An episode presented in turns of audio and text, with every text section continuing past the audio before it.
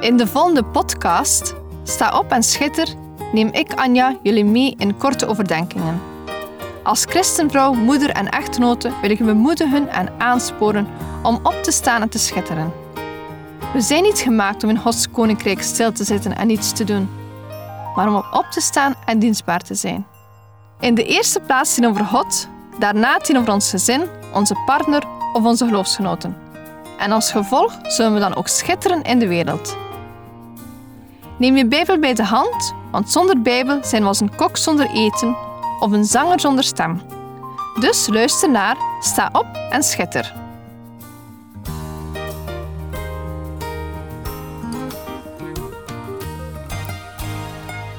Mijn overdenking van vandaag gaat over een vogelkooi. Toen ik net tot geloof kwam, zat ik in een kerkdienst en de predikant had een prachtige oude metalen vogelkooi mee. Ik kan me nog herinneren dat hij getuigde over zijn tijd in de gevangenis en zijn bekering. Uiteindelijk vertelde hij hoe Jezus hem geestelijke vrijheid had gegeven. En hij verleek deze vrijheid met een vogel die ooit in gevangenschap zat in de kooi. Deze preek had ik zo'n 18 jaar geleden gehoord. En tot op de dag van vandaag krijg ik steeds gedachten van de ware vrijheid bij het zien van een vogelkooi. Zelf heb ik geen vogel als huisdier, want ik zou niet aankunnen om te zien hoe deze vogel moet leven in gevangenschap. Ik zou hem waarschijnlijk na één dag al vrijlaten. Als je in de Bijbel op zoek gaat naar gevangenschap van een vogel, dan komen we uit bij Ezekiel 13, versen 20 en 21. Daarom, zo zegt de Heere Heere, zie, ik zal u toverbanden waarmee u daar zielen vangt, alsof het vogels zijn. Ik zal ze van uw armen afscheuren en ik zal de zielen vrijlaten. De zielen die u vangt, alsof het vogels zijn. Ik zal uw sluiers verscheuren en mijn volk uit uw hand redden, zodat ze niet meer als een prooi in uw hand zullen zijn. Dan zult u weten dat ik de Heere ben. Men spreekt hier over Gods volk die gevangen wordt. Vogels die als een prooi in de hand zijn en bij wijze van spreken in een kooi worden vastgehouden. Het gaat hier over valse profeten, maar ook over toverij. De zielen die door hen gevangen zijn, zal God vrijlaten door hun toverpraktijken te verbreken. De sluiers, waardoor het zicht wordt weggenomen, zal hij verscheuren, zodat ze helder kunnen zien. Zo zal hij zijn volk uit hun hand redden, waarin zij een prooi zijn. In de tijd van Ezekiel liepen de mensen achter valse profeten aan. Alles mag en kan, zeiden de valse profeten.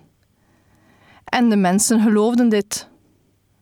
Ze werden als het ware in slaap gesust en leefden er gewoon vrij op los, zonder er veel bij na te denken. De profeet Ezekiel hing daar tegenin en zei dat ze voor Gods oordeel zullen komen te staan. Valse profeten komen niet alleen voor in het Oude Testament, maar ook in het Nieuwe Testament. Bijvoorbeeld in Matthäus 7, vers 15. Maar wees op uw hoede voor de valse profeten, die in schapenvacht naar u toe komen, maar van binnen roofzuchtige wolven zijn. Valse profeten, ook vandaag. Ze verkondigen een evangelie die niet bijbels is. We denken vaak aan valse profeten binnen de kerk, maar ik denk dat we het veel verder moeten zien. Je moet het nieuws maar eens opzetten. We worden overspoeld met leugens. Wat gaan we geloven? Zijn we nog bezig met alles te toetsen aan Gods woord? Veel mensen zijn de dag van vandaag gevangen als een vogel in de hand van de tegenstander, of gevangen in hun eigen kooi. Sommige mensen hangen vast aan occulte zaken, zoals waarzeggerij, spiritisme, paranormale geneeswijzen, yoga, toverij en astrologie. En wie heeft er nooit gehoord van het occulte spelletje glaasje draaien? Het inlaten met deze en andere occulte praktijken vinden vaak plaats vanuit nieuwsgierigheid naar de niet zichtbare geestelijke wereld. Voor ik tot bekering kwam, zat ik zelf ook in de wereld van het paranormale, waar zergerij, pendelen en tarotkaarten waren wekelijkse bezigheden. Tot mijn ogen opengingen en ik de duistere kant zag. Ik was als een vogel in een kooi. Het deurtje stond wagenwijd open, maar ik koos niet voor die vrijheid, tot mijn huidige echtgenoot me wees op die vrijheid. Toen ik de keuze maakte om Jezus te volgen, ging er een nieuwe wereld open en ging ik in vrijheid leven. Misschien zit je ook wel in een mooie kooi. Weet dan dat de deur open staat. Satan zorgt er misschien voor de illusie dat de deur naar vrijheid niet open staat. Hij heeft je als het ware vastgeketend. Ik las onlangs een artikel over een uil die uit gevangenschap werd vrijgelaten om terug in het wild te gaan.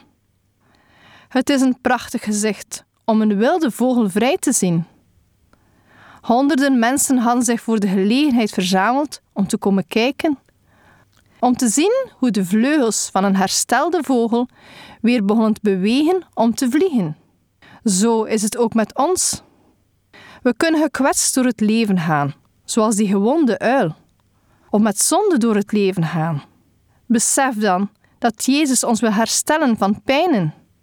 Hij heeft ons vrijgekocht van de zonde. We hoeven niet langer in de kooien te blijven die ons afhouden van Gods bedoeling met ons leven. We hebben vleugels gekregen om te leven zoals God het wil. We worden gewoon gevraagd om te vertrouwen, om de kracht en de vrijheid te ontvangen die ons door Jezus wordt aangeboden. Laat je niet gevangen zetten door angsten of zorgen. We zijn waarlijk vrijgezet.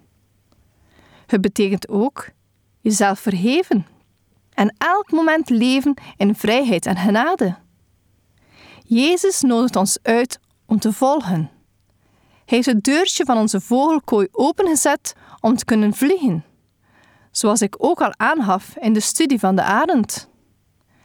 Ik kwam op het internet een mooi toneelstukje tegen die me erg aansprak over een vogelkooi.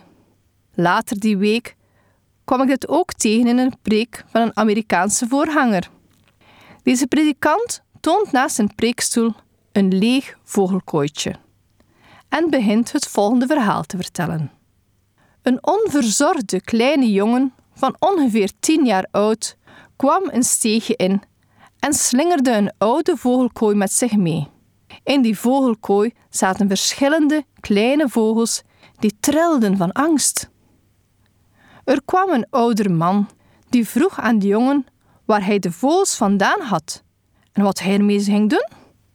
De jongen zei dat hij ze gevangen had genomen in het park en dat hij met ze zou spelen en plezier zou hebben eraan. De oude man keek naar de kleine angstige vogels en had medelijden. Hij vroeg aan de jongen: Vroeg of laat zal je ze beu worden. Wat ga je er dan mee doen? De jongen zei: Ik heb een paar katten thuis. Ze houden van vogels. Ik zal ze aan mijn katten voeren. De oude man kon het niet meer aanhoren en zei: Jongen, hoeveel wil je voor de vogels? De jongen aarzelde, aarzelde en zei: Meneer, u wilt deze vogeltjes niet. Het zijn gewone wilde vogeltjes. Ze kunnen niet eens zingen en ze zijn lelijk.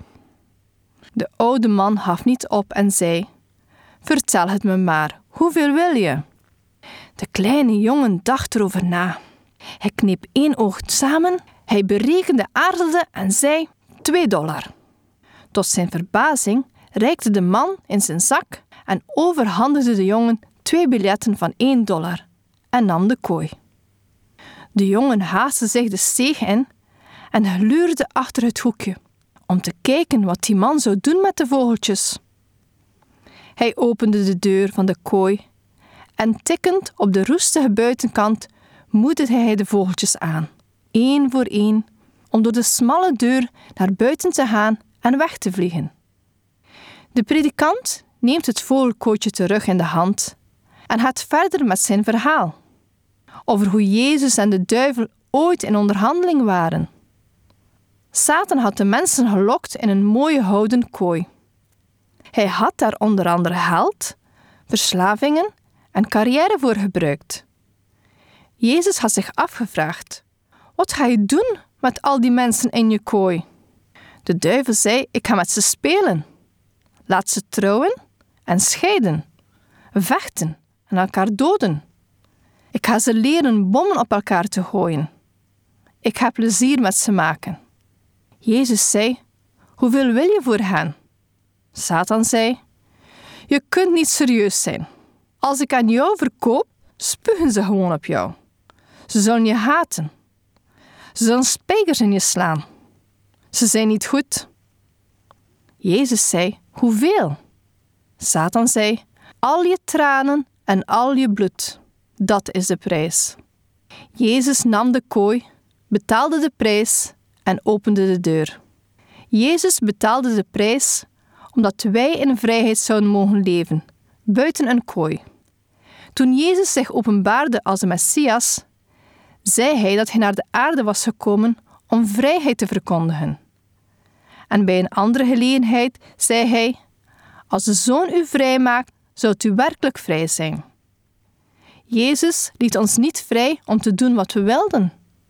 Hij bevrijdde ons om te doen wat we moesten doen. Hij bevrijdde ons om in een relatie met God te wandelen en om het soort mensen te zijn waarvoor Hij ons geschapen heeft.